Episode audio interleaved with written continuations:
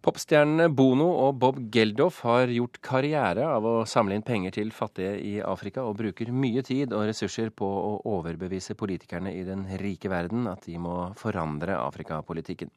Men i en dokumentar som ble vist på 70 TV-kanaler verden over i går kveld, deriblant NRK2, får de to artistene kritikk for nettopp å snakke mer med aktørene på politiske toppmøter enn å snakke med de det gjelder, afrikanerne.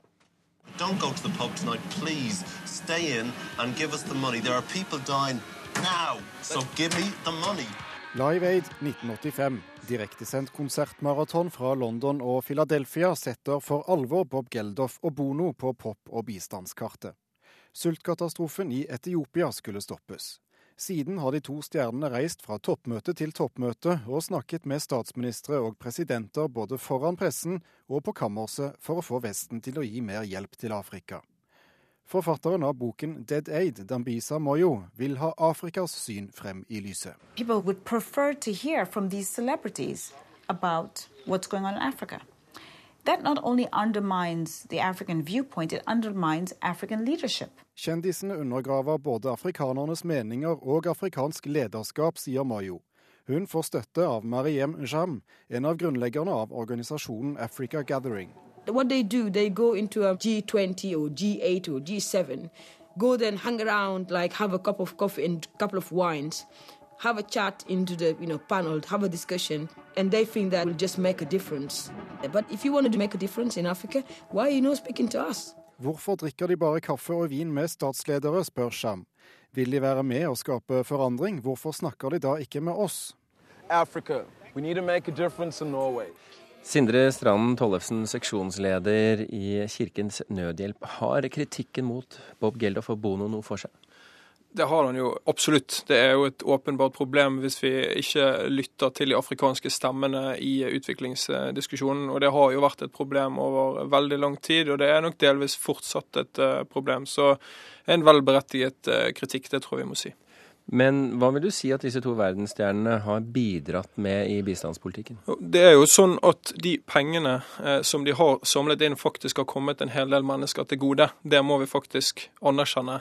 Men måten det har skjedd på, eh, hvis vi går i hvert fall 20 år tilbake i tid, var på en måte som må kunne diskuteres kritisk, eh, fordi den nok fremstilte de hvite menneskene som de som skulle redde de afrikanske nødlidende menneskene i Afrika. Og Det satte seg nok som et bilde.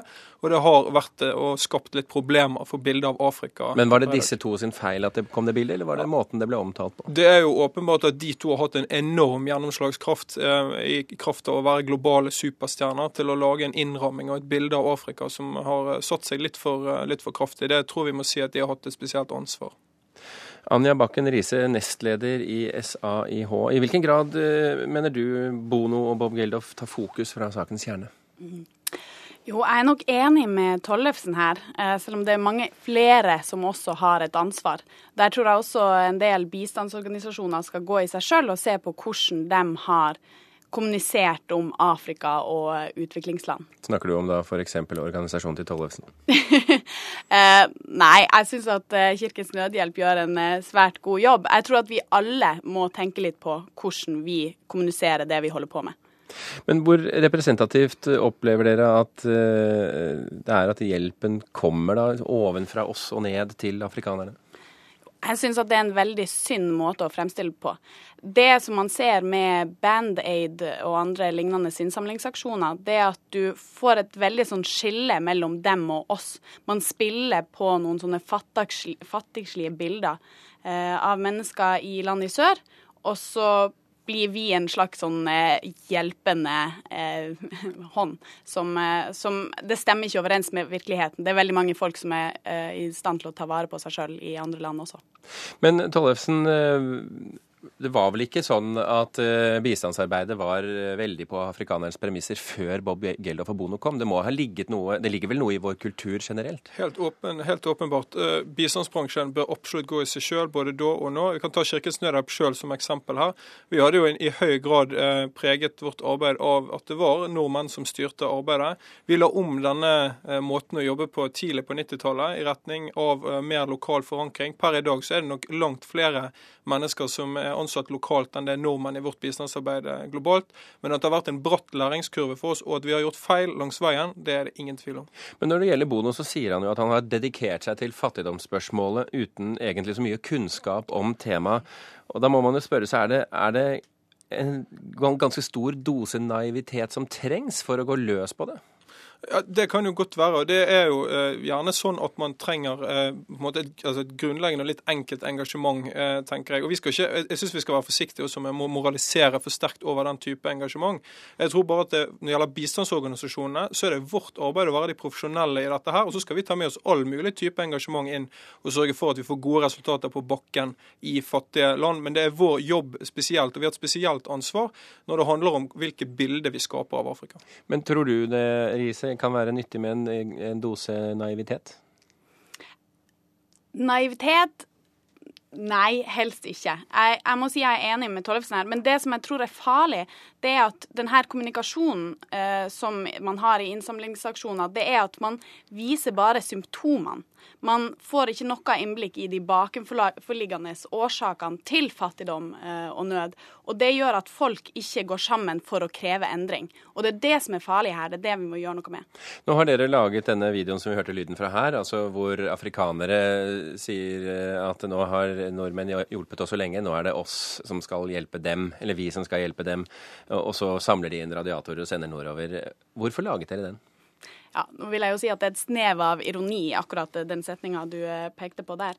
Vi lagde den fordi at vi er lei av de her stereotypiene. Eh, og vi tenkte at det var en god idé å sette handlinga her i Norge, fordi at det ville gjøre at mange nordmenn kjente seg igjen i det. De fleste nordmenn vil også være enig i at det er en ganske eh, spesiell eh, antagelse om at å sende radiatorer til Norge vil hjelpe våre problemer. Så det er en liten sånn kritikk av eh, forenkla løsninger i bistandsarbeid også. Men er du overrasket over eh, mottagelsen den har fått? Ja, er du gal. Vi er, vi er en ganske liten organisasjon, så vi hadde ikke forventa det her. Men det er veldig gledelig. For nå vises den over hele verden? Ja, det tar helt av. Tollefsen, eh, skulle du ønske at dere hadde laget den videoen? Eh, ja, det skulle jeg jo for så vidt. Jeg syns det er et fantastisk virkemiddel. og Jeg syns SRH kan være stolt av det de har, eh, har gjort her.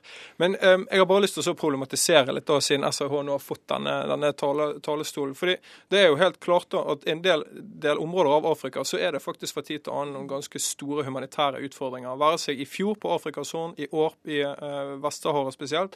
Uh, vi, vi er nødt til også å vise frem lidelsen når lidelsen er reell. Og vi er nødt til å faktisk uh, si at vi trenger penger for å sørge for helt grunnleggende behov som folk har. Og Da er det så enkelt som at hvis vi ikke bidrar med de pengene, så er det da gjerne situasjoner hvor andre heller ikke bidrar. Da kommer, ikke, da kommer det ikke hjelp. Da, da, får ikke folk dekket sine grunnleggende eh, behov.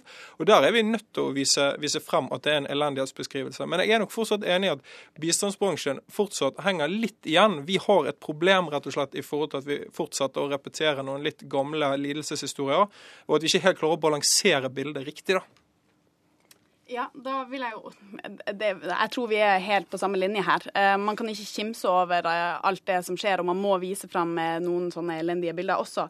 Men når i fjor så svarte 70% av ungdommer at de siste nyhetene de hadde lest eller hørt om sør, det var negativt. Det var hovedsakelig knytta til kriger, konflikter, uro og andre typer katastrofer. Faktisk så har Afrika som verdensdel hatt sterkere vekst enn Øst-Asia, inkludert Japan i åtte av de ti siste årene. Og det er noe som du ikke hører om i media, eller som norske eh, befolkninga vet noe om. For å runde av der vi begynte, eh, vil dere gjerne jobbe videre med, med bistandshjelp med eller uten Bob Geldof og Bono? Vi går gjerne i en samtale med både Geldof og Bono om hvordan vi kan gjøre dette bedre. Det var, pol det var politisk korrekt svart. Jeg stiller meg helt bak det. Men så vil jeg komme med en utfordring til norske bistandsorganisasjoner om å være litt mer eh, humoristisk og original i sin formidling. Gjerne. Da har dere i hvert fall vist at det går an. Tusen hjertelig takk for at dere kom til Kulturnytt, Sindre Strand Tollefsen og Anja Bakken Riise.